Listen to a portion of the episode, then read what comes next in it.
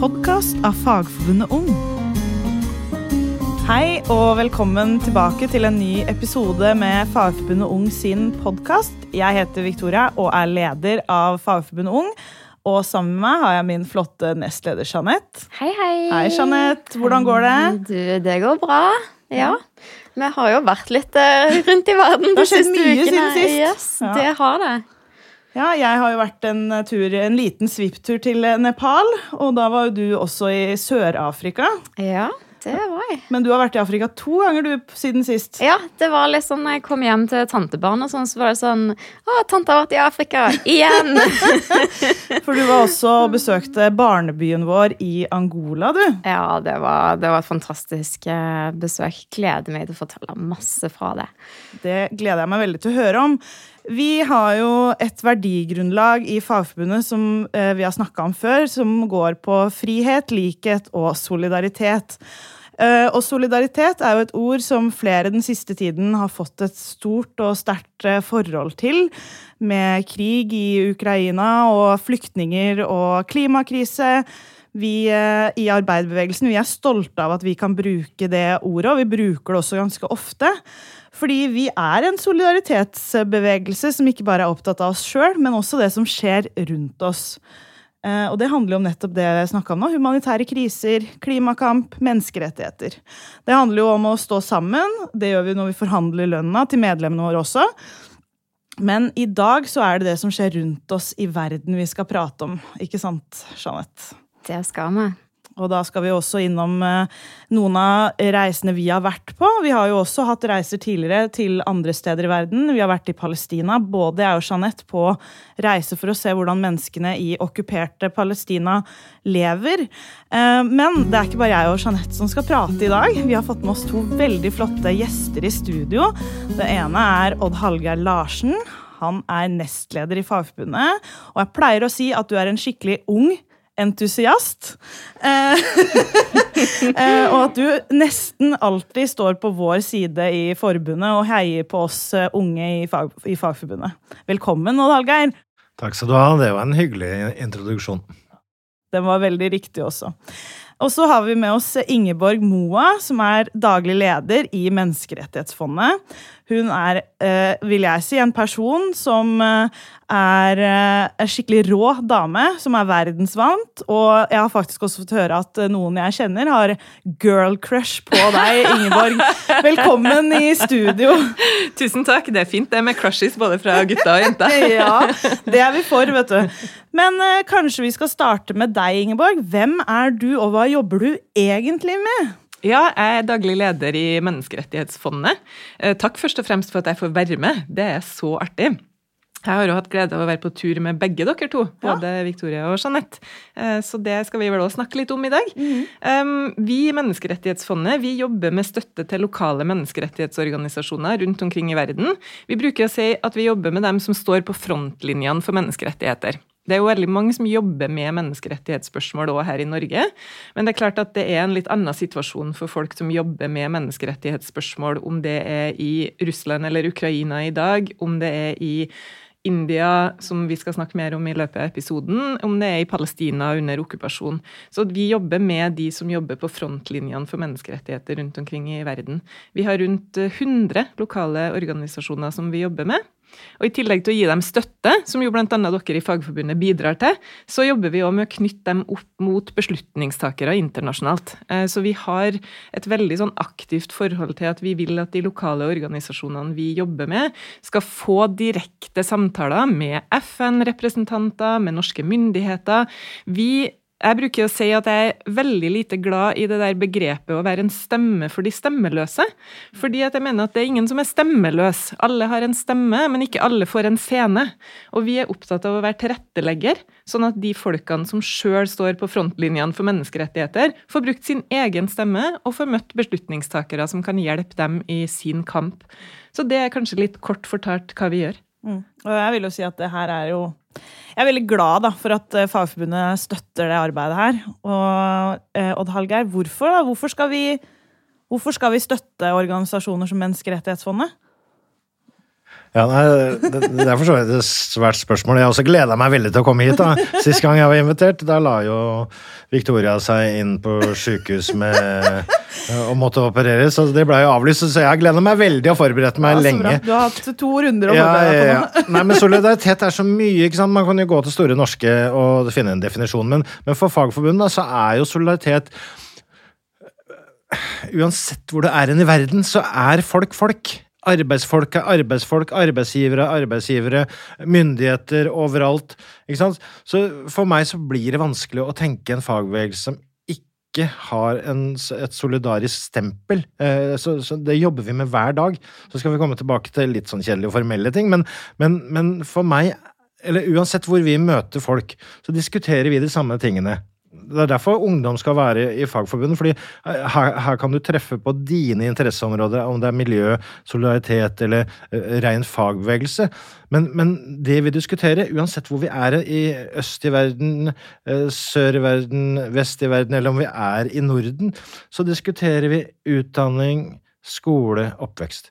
Vi diskuterer helse. Vi diskuterer den, si, den kommunale helsa, sjøl om det er helt annerledes eh, i Afrika eh, enn det er i Europa. Men vi diskuterer de samme spørsmålene. Og vi diskuterer arbeidstakerrettigheter, først og fremst. Og så er det vidt forskjellig fra Asia til Nord-Amerika. Men det er jo det som er solidaritet, så vi er jo en del av en bevegelse, siden vi er folk, siden vi er mennesker. Det er det som er så morsomt. Stå opp om morgenen og tenke vi skal være med å flytte det bitte lite grann i dag i Norge. Men da flytter vi litt i verden også, tenker jeg altså.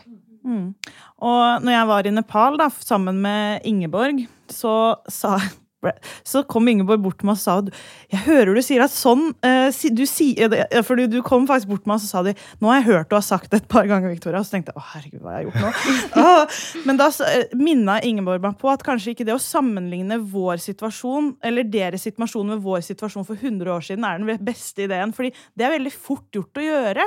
Og det, jeg tror liksom eh, fra et fra vårt perspektiv så blir det fort litt sånn Herregud, de tingene der sleit jo vi med for 100 år siden. Vi har kommet så mye lenger. Og, og det at du minna meg på at kanskje ikke det er en god idé å liksom eh, gjøre, da, så, så det tror jeg også er sånn viktig at man, at man tar med seg at de, de utfordringene mennesker i andre deler av verden har i dag Ja, vi hadde de. Vi sleit med akkurat de samme tingene for 100 år siden. Ja, det gjorde vi. Men det er kanskje andre forutsetninger som har gjort at ikke de har kommet dit vi er. Og det kan hende at de ikke skal dit vi er heller. Men uh, jeg hadde bare lyst til å dele det når vi først var innom det, for det husker jeg.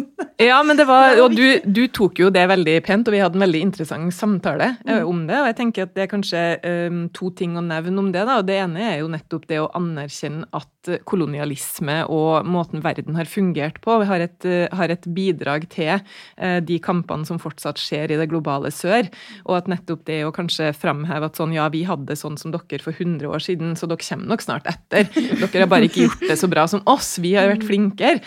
Det blir en slags mangel på anerkjennelse av at det er en dynamikk i verden da, som har gjort at det, òg er sånn. Og det andre med det her som jeg tenker på, er jo det dere i fagbevegelsen er veldig gode på, at verdenshistorien og arbeideres kamp og menneskers kamp for en bedre tilværelse, den er ikke lineær. Eh, Dere er flinke i fagbevegelsen til å snakke om at vi må ta kampen hele tida, vi må ta kampen hver dag. Som du sier, vi må stå opp om morgenen og tenke at vi skal gjøre noe godt for verden. Og det tror jeg òg er en sånn anerkjennelse for oss sjøl, at det kan fort gå andre veien for oss òg. Det er ikke sånn at de seirene vi har oppnådd, er, står for evig og alltid. Og det tror jeg jo ikke minst, minst vi ser i verden i dag. Og jeg føler jo, som dere helt sikkert gjør òg, når vi har vært i Nepal sammen eller i Palestina sammen, vi lærer utrolig mye av de folkene. Um, så ja. Mm. Jeanette, du har tatovert solidaritet på armen din. Ja, den eh, er med meg eh, med knyttneven og, og står alltid med meg. Eh, jeg brukte fem år på å faktisk ta den. Eh, for jeg er et sånt menneske som må gruble og gruble. og gruble. Til slutt var jeg sånn Faen, nå må du bare nå må du gjøre det.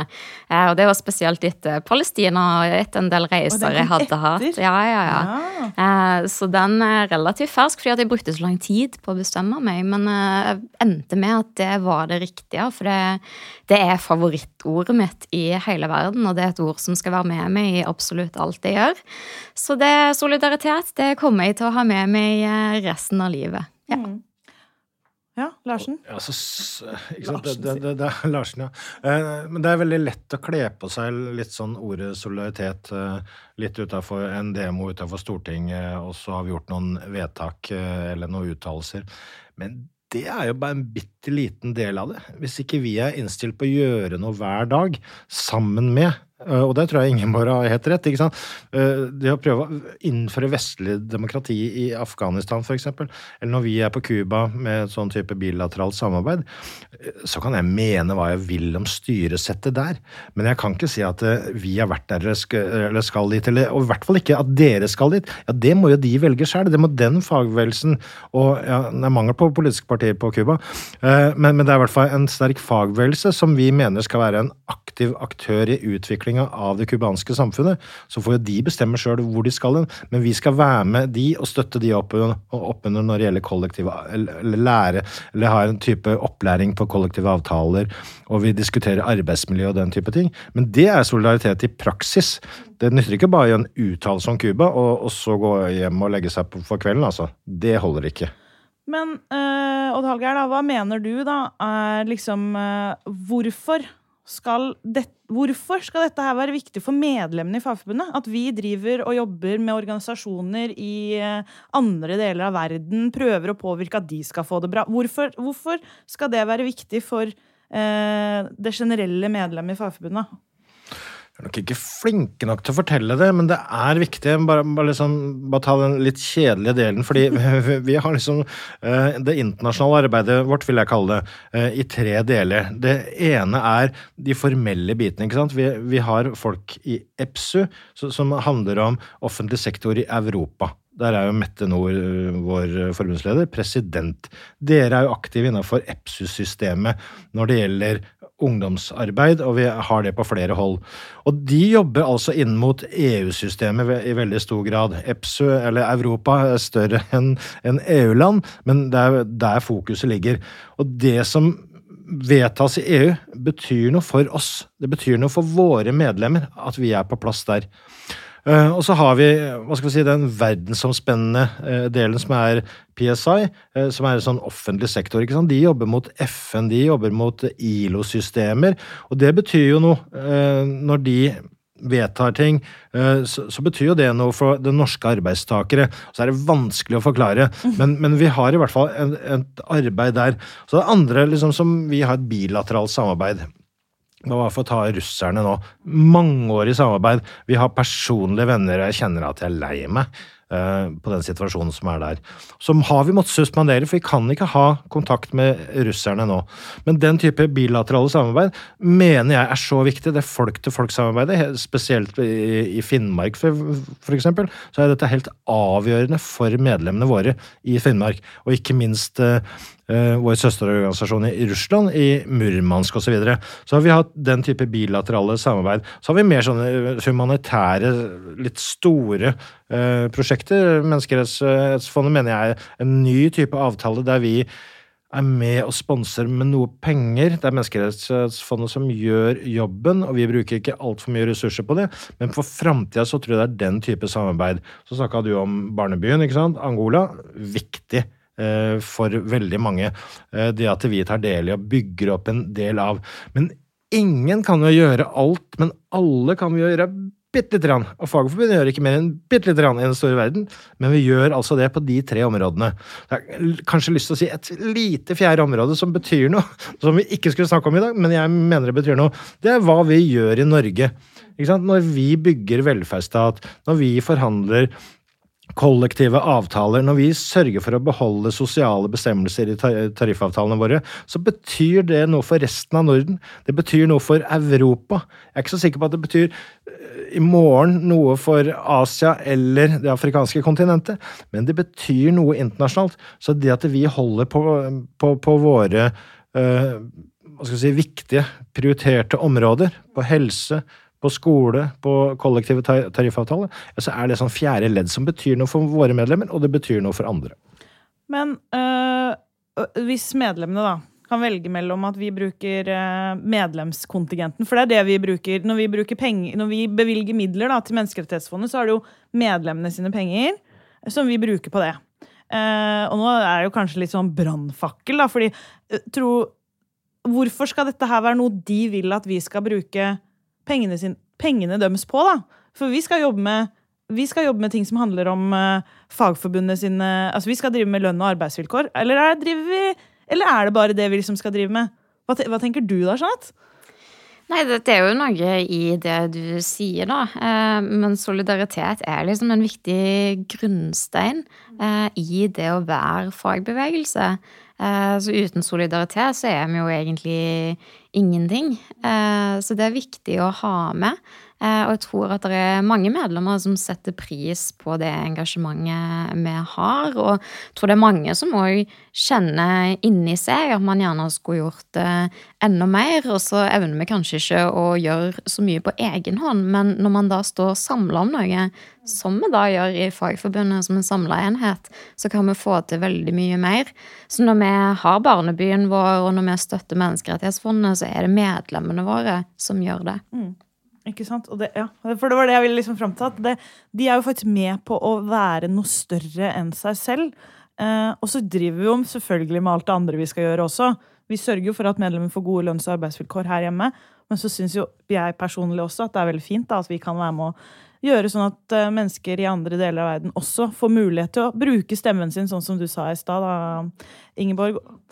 Ja. Vil du si litt kanskje om hvordan, eh, hvordan de midlene vi gir da, til Menneskerettsfondet, faktisk liksom fungerer i land som f.eks. India, som vi, ja. vi, var sammen og besøkte? Absolutt. Jeg tenker at Det som jeg liker veldig godt med å samarbeide med Fagforbundet, det er jo at dere ikke bare gir oss økonomisk støtte, men at det er et reelt samarbeid. Og det tror jeg jo den reisa der eh, du, Victoria, var med til Nepal, eh, er et godt eksempel. Det er ikke, Den økonomiske støtten er selvsagt viktig for oss, den er viktig for de organisasjonene vi jobber med i det globale globale sør.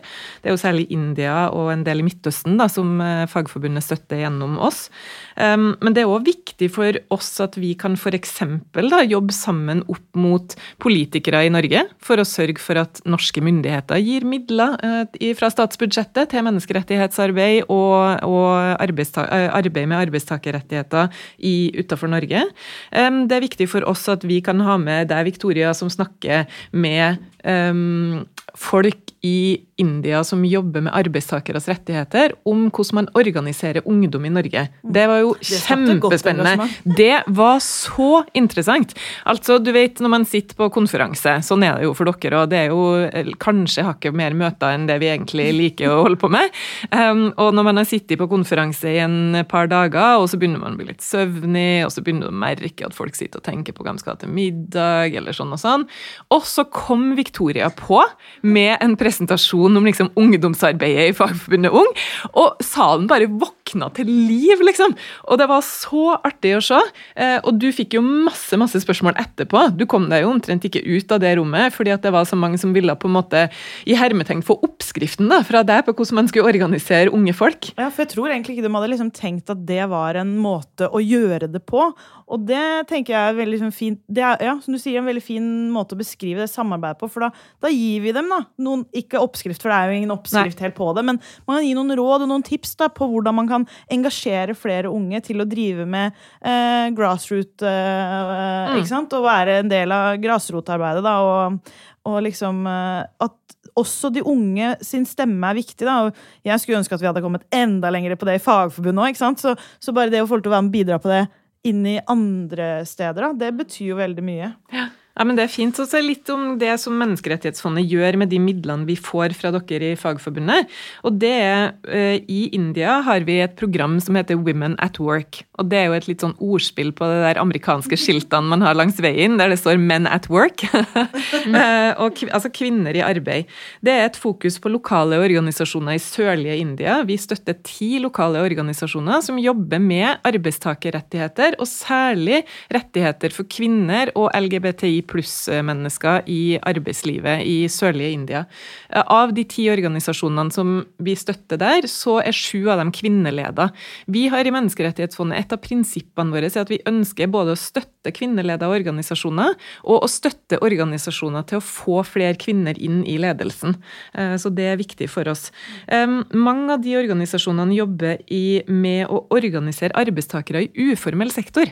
Nå husker ikke jeg tallet på det her, men det er jo et enormt høyt prosent av indiske arbeidere som jobber i uformell sektor. Eh, hvis du jobber i uformell sektor, så har du ofte to valg eh, når det gjelder organisering. Du kan enten stå alene og helt isolert, eller du kan organisere deg i en fagforening og bli utsatt pga. det.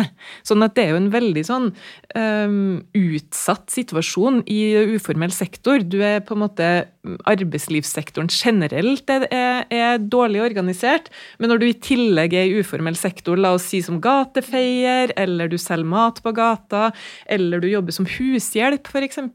Så mange organisasjoner, det er flere av organisasjonene våre, bl.a. Eh, Self-Employed Women's Association, som jo er invitert som gjest på deres landsmøte til uka, de jobber med å organisere kvinner som er hushjelper i uformell sektor. Så det, det er en, en og en, en, ting som jeg liker veldig godt med samarbeidet vårt, at dere forstår at arbeidstakerrettigheter er menneskerettigheter. Og det er veldig viktig for oss med samarbeidet med fagbevegelsen, da, at ikke de to begrepene skilles fra hverandre, men at nettopp arbeidstakerrettigheter er menneskerettigheter, kvinners rettigheter er menneskerettigheter, LGBTI-rettigheter er menneskerettigheter. Det er veldig fint med samarbeidet vårt. Og så tenkte jeg at jeg skulle si at um, bare for å sette litt sånn tall på det, at i 2021 så nådde de her ti organisasjonene som vi jobber med i India, 4800 arbeidere til sammen. Og det var med alt fra juridisk bistand til nødhjelp pga. pandemien. Fordi at veldig mange av dem som jobber i klesindustrien f.eks., ble jo offer av en massekansellering av ehm, bestillinger fra Vesten. Eh, og det har vært veldig mye permitteringer og folk som mista jobben. Sånn at en del av organisasjonene vi jobber med, de gikk rett og slett over til å bli nødhjelpsorganisasjoner. Sørg for at folk kunne fortsette å leve livene sine. Mm. Nei, det, det, er jo ofte fokus på hva skal vi bruke penger på, hvor mye penger vi bruker. Og så er jeg helt sikker på at vi får ikke noe protest fra våre medlemmer på at vi bruker 40 øre per medlem per år på Menneskerettighetsfondet. Jeg lover at det, det, det skal vi klare. Bare for å sette det litt i perspektiv, liksom. Ja. ja. Eh, men, men, barnebyen i Angola, bygd opp og drifta nå i over ti år. Ikke av penger fra organisasjonen, men av frivillige bidrag så drifter vi barnebyen. Det normale er at man, man er med og sponser eh, en barneby, og så overlater man drifta til, til SOS Barnebyer. Vi har jo fortsatt å drifte på medlems penger, som de betaler inn helt frivillig. Eh, så det er ikke riktig at vi bruker så vanvittig mye penger på, på internasjonalt arbeid. Vi, vi, har en ganske stor post på Midtøsten som er Palestina og Libanon. Og det er en villet politikk fra landsmøte fra landsmøteperiode til landsmøteperiode. Og det er jo en av de viktige områdene i, i verden. Så så syns jeg dere er inne på, på viktige temaer, fordi uh, det med solidaritet, uh, arbeidstakerrettigheter, menneskerettigheter, ja, disse tingene henger jo sammen. Så tror jeg at det, det arbeidet vi gjør som inkluderer uh, Det er både Palestina og India, Pakistan, med NGO-er og sivile organisasjoner, det gir veldig gode resultater, og det gir mye av seg. Det gir et kontaktnett som gjør at vi også, de gangene vi besøker eller vi får besøk, gjør at du får venner for livet. Det er altså solidaritet i, i praksis. Det å kunne forstå hverandre. Fordi det er så ulike utfordringer, og jeg kan ikke reise til andre steder, andre kontinenter og fortelle dem hvordan de skal gjøre det, men vi kan bidra til å ha debatten om arbeidsmiljø, om hvordan helse eh, organiseringa eh, fungerer, og hvordan vi kan gjøre det best for å få det ut til folk flest. Det er jo det vi er opptatt av. Så det, det er liksom ikke noe Jeg ser ikke noe, noe utfordringsbilde eh, på, på, det å investere penger eh, i den type prosjekter. Eh, og så tror jeg det er mer det, det, det, er, nok noen holdninger, og så, så har jo selvfølgelig noe av, av eh, altså, hva skal vi si, den utadretta politikken i Europa, i Norge, også gått feil gjennom 30 år. ikke sant? Så vi lever på noen sånne gamle myter også. Men i dag så er vi mye mer strikte. Vi vet hva vi vil, og vi er helt tydelige på uh, at uh, de prosjektene, om det er på Cuba eller i Angola eller Palestina eller India, de er målretta.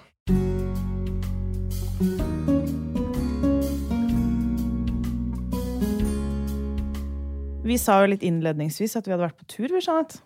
Det gjorde vi, og det har vi jo. Ja, og du har vært på to stykk. Jeg bare, det har vært to veldig ulike turer. Veldig ulike. Eh, først så var jeg i Sør-Afrika med AUF, eh, fordi vi har et samarbeidsprosjekt med Svajoko, som er liksom en demokrati-ungdomsbevegelse i Svasiland. Mm. Den gjorde inntrykk på deg? Det gjorde inntrykk. Eh, det er jo et eneveldig monarki hvor kongen eh, lever i en luksus, og det går jo veldig ut over befolkninga, som har en skyhøy fattigdom og arbeidsledighet på 60-70 Altså det, det er helt utenkelig for oss å leve under et sånn terrorregime som han eh, har. Eh, og så kom jeg akkurat hjem fra Angola. da. Jeg har vært og besøkt barnebyen vår, som òg eh, var en sterk reise, men på en helt annen måte igjen. Og det var veldig, veldig fint å se da hva Fagforbundets medlemmer som bidragsytere faktisk får til da, der nede. Og man tenker liksom ja, barnebyen det er noen hus og sånt, men det er så veldig mye mer, da. Eh, vi har tolv familiehus hvor barn får en SOS-mor og får den, eh, den, tryggheten de trenger, da. Men vi driver jo faktisk òg en hel barnehage eh, for over 100 barn og en skole, en grunnskole for 1800 elever. Og vi hjelper lokalsamfunnet rundt med å sette opp vannstasjoner og sørge for at man får rent vann, noe som er en menneskerettighet som vi da sørger for. Og vi hjelper mødre og kvinner ute med å liksom skaffe seg et levebrød og gi ungdommer utdanning. og det er bare et så fantastisk prosjekt, og man ser bare hvor mye det gir de som faktisk er med i de programmene våre, da. Eh, og så var det jo selvfølgelig veldig sterkt å se hvordan det er med de som ikke er inni programmene våre. Eh, men som vi har sagt det tidligere Du har fortalt noen historier om det. Jeg har jo kjent at når du begynte å snakke om det nå, så gjør det liksom egentlig sånn fordi ja, det er så mye fattigdom, da. Og det var kanskje den største liksom Jeg har aldri Du har jo reist litt i Asia før, men når jeg var i Nepal også, bare ikke for å Men da bare kjente Når jeg så liksom Vi ble stående i kø en liten stund, så kom det noen barn bort til bilen og og, tigg, og det er barn, ikke sant? Det, det, det gjør så inntrykk av at noen mennesker må leve sånn. Uh, og du fortalte en historie om han lille gutten med det papiret. og da, uh, ja, Du må jo gjerne dele den nå, men det, det var veldig veldig sterkt. Så derfor så begynner jeg nesten å grine her jeg sitter. Ja, for Det er jo et eksempel på de som ikke er med i programmene våre. fordi vi kan liksom ikke hjelpe alle, men vi skulle veldig veldig, veldig gjerne ha gjort det. Uh, og vi var ute i en landsby for å se Ei kvinne da, som er støtter gjennom lokalsamfunnsprogrammet og har eh, gitt henne penger til en symaskin, og hun har tatt til seg noen barn og passer på de og, og sånt. Og når vi da på en måte hvite nordmenn eh, kom til en landsby, så begynner jo folk å flokke seg litt rundt og lure på hva som skjer her, og er veldig nysgjerrige. Eh, da var det en liten gutt, og jeg tror ikke han kan ha vært så veldig mye mer enn fem-seks år gammel. da, eh, Bar overkropp og litt sånn skitten. og sto med notatblokka si i hånda og fulgte med og så på oss. Eh, og så reiv han i stykker et ark da, fra den notatblokka. Og jeg ble mer enn overraska når han da tok den inn i munnen og begynte å spise av det arket. og tygde og tygde. Og når det da var svelt, så spiste han resten av arket. og og det var liksom det han eh, gjorde og levde på. Og, og vi har jo egentlig ikke lov å forskjellsbehandle og gi noen eh, noe mer. Men eh, der gjorde vi faktisk et lite unntak, for det gjorde så vondt så langt inn i hjerterota at det, der, der, måtte vi sørge for at han fikk noe, i hvert fall. Men jeg hadde jo bare lyst til å gi han hele verden. Mm. Bare tenk på det å liksom Det du spiser, er et, et ark som ikke inneholder egentlig noen ting av det du trenger. og og ja, det gjør inntrykk, da, og derfor så syns jeg det, det, det, er så viktig at vi gjør dette arbeidet her. Det, det, er jo liksom, Den historien den beviser egentlig bare hvorfor det, det arbeidet vi nå sitter og prater om, det er så sinnssykt viktig. da. Og derfor så bør det bety noe for, eh, for, eh, for Marit på 25 år. Like mye som det skal bety noe for Bjørn 85, eh, og, som er medlemmer hos oss. da. Og det, er i hvert fall jeg veldig veldig stolt av. det. At, vi at, vi kan, at du kan komme, dra til Angola, se det med egne øyne og komme tilbake og fortelle om det. Fordi å høre om det, det er ikke det samme som å oppleve det. Nei, nei. Og, og, og den store kontrasten, da, eh, på liksom den delen av samfunnet, men òg hvor fantastisk fint det er med det vi får til, da. De vi hjelper, og det som, som, fungerer bra. Og jeg ble jo Jeg har jo ikke barn, men jeg ble nesten trebarnsmor eh, etter den turen. For det, barna i barnebyen, de bare de, de, er helt fantastiske, ja. Eh, og hjertet smelter mange ganger. Så jeg er veldig glad for at vi gjør livet bedre for de som, som er der.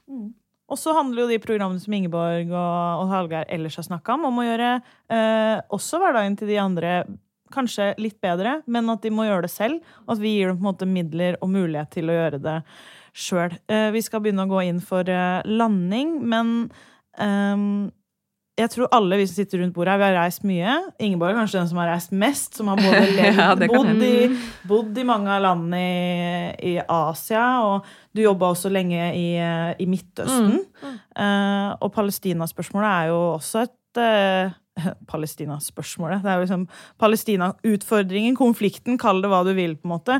Det er jo også en av de sakene Fagforbundet har tatt et veldig tydelig politisk eh, standpunkt i. da, Og både jeg og Jeanette har reist dit eh, på tur gjennom Fagforbundet. Du har sikkert vært der, du og Odd Hallgeir. Um, men uh, hvorfor bør vi på en måte engasjere oss i sånne type spørsmål, da? Ja, det her er jo litt sånn emosjonelt spørsmål for meg. fordi at uh, som uh, Jeanette vet, så starta jo på en måte min, uh, mitt arbeidsliv innenfor menneskerettighets- og solidaritetsarbeid med Palestina. Når jeg var 23, så dro jeg på utveksling til Vestbredden, til Birzeit-universitetet. Det var i år 2000, i august. Og for den som kjenner historien, så var jo det da tre uker med i hermetegn normalt universitetsliv. Så normalt som det kan bli under okkupasjon, som jo er voldelig i seg sjøl. Men så brøt altså den andre intifadaen løs eh, mens jeg var der som student. Og det var jo virkelig Jeg hadde jo vært interessert i internasjonale spørsmål og, og sånt tidligere òg, og det var jo grunnen til at jeg hadde begynt å studere internasjonale spørsmål og utviklingsstudier. Men det er klart, det traff et helt annet sted. Uh, og nå er jeg 46, så det er altså 23 år siden. Um, men det sitter fortsatt i når folk spør hvorfor endte du opp med å jobbe med det du jobber med, om det er den opplevelsen av det å helt sånn konkret få lov å For da man er student, så lever man jo sammen med andre studenter. Uh, etter hvert som man blir eldre og får annen jobber, så bor man jo kanskje på en litt annen måte enn lokalsamfunnet og sånt, men da jo, levde vi jo sammen med dem. Vi hadde selvsagt et rødt pass i lomma. Der de kanskje ikke hadde noen ting, eller en, eh, en slags reisetillatelse eller noe sånt. Um, men det var virkelig min vei inn i solidaritetsarbeidet. da.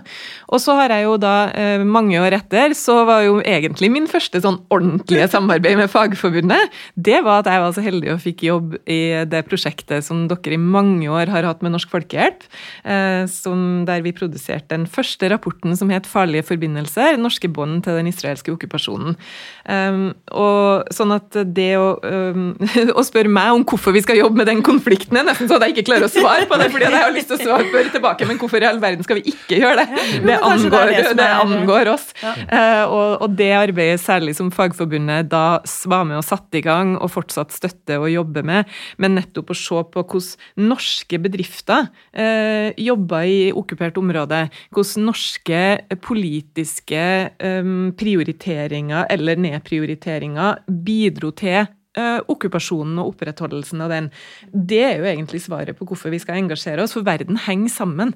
Uh, så, så det, det, tror jeg er utrolig viktig. Og um, Jeanette, når vi var der, uh, det tror jeg faktisk var sist gang jeg har vært der.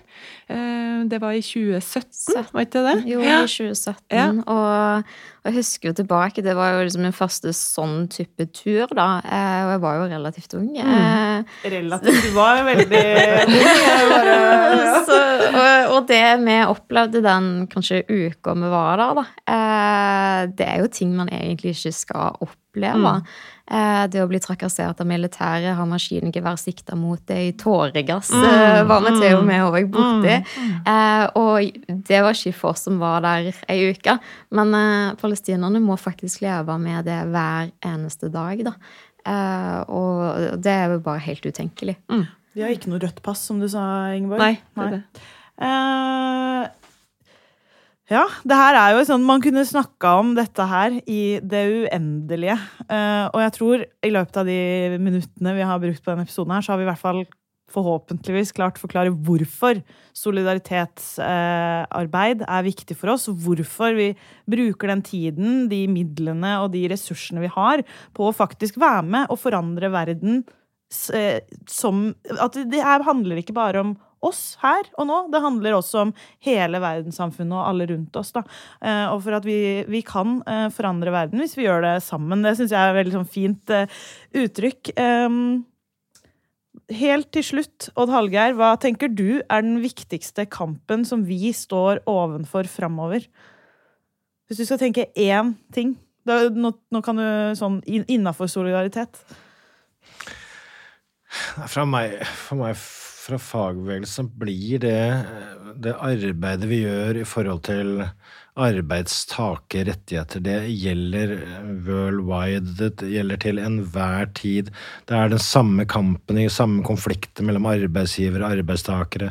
Jeg mener, det, det finnes ikke fattige land, det finnes bare systemer som gjør folk fattige. Så det står for, fortsatt for meg som det viktigste. Og så skal vi samarbeide på en rekke hold. Jeg, blir, vet du hva, jeg hadde lunsj med Jeanette her en dag. som Jeg sier at eh, kan vi kutte ut nå? for da sitte her og tute og grine passer meg for så vidt ikke. Men, men det er jo historier som rører så voldsomt, ikke sant. Så, Uh, alle som kommer borti det, må uh, bli betatt. Og så står vi altså i en konflikt så nærme oss i dag med Ukraina som gjør at dette her er mye mer aktuelt. Uh, I tillegg til at vi Jeg skjønner, vet du hva, jeg som 61-åring er Legger meg på kvelden og frykter at det en eller annen feilbomba sak smeller inn i et atomkraftverk eller at noen bevisst bruker taktiske atomvåpen. Det gjelder mine barn, og jeg ble bestefar på lørdag. Ah, den, oh, verden, den verden vil ikke jeg ha. Mm. Det er viktig for meg. Uh, Ingeborg, hva, hva tror du er den viktigste kampen framover? Ja, alt henger jo sammen med alt, da, som ei eh, bra dame en gang sa. Men jeg eh, tenker at en av de tingene vi hørte når vi var i, i Nepal um, Og jeg sier India, tror jeg, fordi vi var jo sammen med veldig mange folk fra India, Pakistan, Nepal, Bangladesh og, og Sri Lanka. Um, men det vi snakka om på den tror det var andre eller tredje dagen, da slo det meg litt at klimakrisen har vi jo ikke snakka om i dag. Men det er klart at når de Eh, folkene som jobber nederst på rangstigen, snakker om hvordan klimakrisen påvirker dem og deres lokalsamfunn, så er det en av de store kampene vi står i. Og det er viktig, tror jeg, den henger jo sammen med kanskje den andre viktige kampen jeg vil trekke fram, da, som er kampen mot de autoritære kreftene i verden i dag. Um, og der er, det, der er det igjen da, så viktig at vi støtter opp under både lokalt menneskerettighetsarbeid, men òg at vi har solidariteten med oss.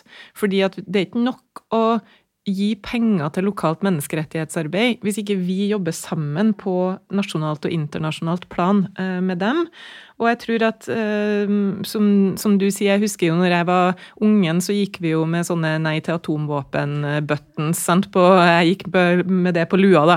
Hadde, hadde flinke samfunnsengasjerte foreldre, så jeg gikk med to buttons på lua. Det ene var et bilde av Lech Walesa, det andre var nei til atomvåpen. og ikke ble jeg mobba heller, men jeg kunne fort blitt det. Men uh, i hvert fall en liten sånn aktivist. Og nå tenker jeg jo på det at tenk at vi er her igjen i 2022 der du må tenke at du er bekymra for barnebarna sin framtid når det gjelder atomvåpen. Altså, det trodde jeg faktisk ikke at vi skulle, at vi skulle komme dit. Um, og så vil jeg trekke frem en siste ting. da, det er og her tror jeg vil sitere en mann som jeg ikke har sitert før. og Det er Jan Petter Schissner.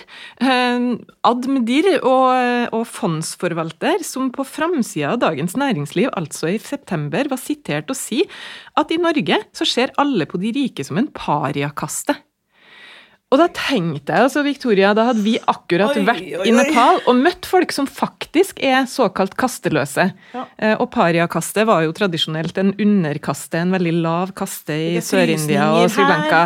Ah. Og, og, det å si at rike i Norge blir behandla som en pariakaste, når vi da har sittet og hørt på historier om at det kasteløse opplever, det er at den eneste jobben de får, det er det som på engelsk fint kalles manual scavenging, som på godt norsk er plukk bæsj fra latrina Det er den eneste jobben du kan få i deler av India hvis du er lavkaste.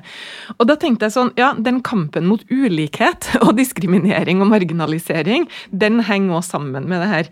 Så det var et langt svar på et eh, kort og godt spørsmål, men jeg tror den kombinerte kampen mot klimakrisen, autoritære krefter og mot ulikhet og diskriminering, det er den vi må ta sammen. Mm. Jeg må bare si at nå kjente jeg at jeg ble Man får litt frysninger, for det, de historiene og de, de, også kunne vi sikkert brukt en hel episode på å snakke om de historiene vi også hadde med oss hjem fra Nepal. Men det å høre om liksom hvordan kasteløse mennesker i India blir behandla, eh, og ikke bare India, men hele det området i Asia altså, jeg sitter fortsatt og egentlig ikke klarer helt å prosessere hva jeg har hørt om hvordan mennesker blir behandla. Og liksom Det er ikke snakk om 500 mennesker. Det er snakk om mange millioner mennesker. Det er flere enn det som bor i Norge ganger fem. ikke sant?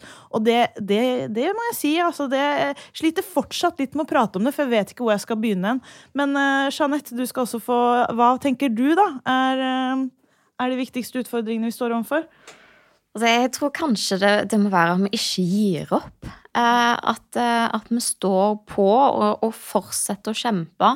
Eh, og om det er noen tilbakesteg, og om vi kanskje mister motivasjonen litt her og der, eh, og som vi har vært innom, historisk sett så har vi faktisk tatt noen steg tilbake eh, de siste årene på mange plan. Eh, så jeg tror det aller, aller viktigste er at, at, vi fortsetter å bry oss, fortsetter å kjempe, fortsetter å stå sammen. Uansett utfordring.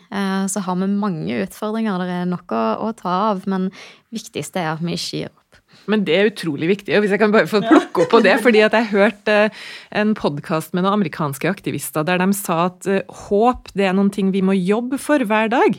Og det syns jeg var så fint. De sa uh, håp er en arbeidsoppgave. Og det er den arbeidsoppgaven vi har. Det er virkelig å beholde håpet. Men det kommer ikke av seg sjøl. Men det er kjempeviktig. Så jeg er helt enig.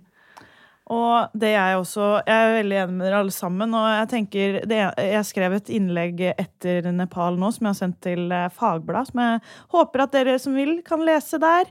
Eh, men eh, jeg tenker jo også på at hvis de menneskene som står i de utfordringene de gjør i de andre landene, tør, klarer og ikke minst faktisk står og kjemper for det de tror på, de rettighetene de mangler og har behov for, så bør fader i meg vi klare det òg. Altså, det mener jeg. Altså, jeg prøver å ikke banne altfor mye i denne podkasten her. Men da kan vi også gjøre det. Fordi vi er kommet så mye vi, vi har kommet veldig, veldig langt i Norge. Men våre utfordringer er små i forhold til dømmes, men samtidig er også våre utfordringer viktige for oss. Så derfor så skal jeg i hvert fall eh, tenke sånn som Jeanette, vi skal aldri heller gi oss. fordi vi har muligheten til å stå i det i mye større grad enn veldig mange andre mennesker som blir utsatt for vold og andre ting hvis de, hvis de faktisk hever stemmen sin. Så da, da mener jeg at vi eh, At de fortjener at vi også tar den kampen sammen med dem. Ikke for dem, men sammen med dem. Tusen takk for at dere kom og bidro til denne Det ble en lang episode, men jeg tror den ble ganske bra. Eh, solidaritetsepisoden vår. Eh, og solidaritet det er en kamp vi må ta for eh, alle og for framtida.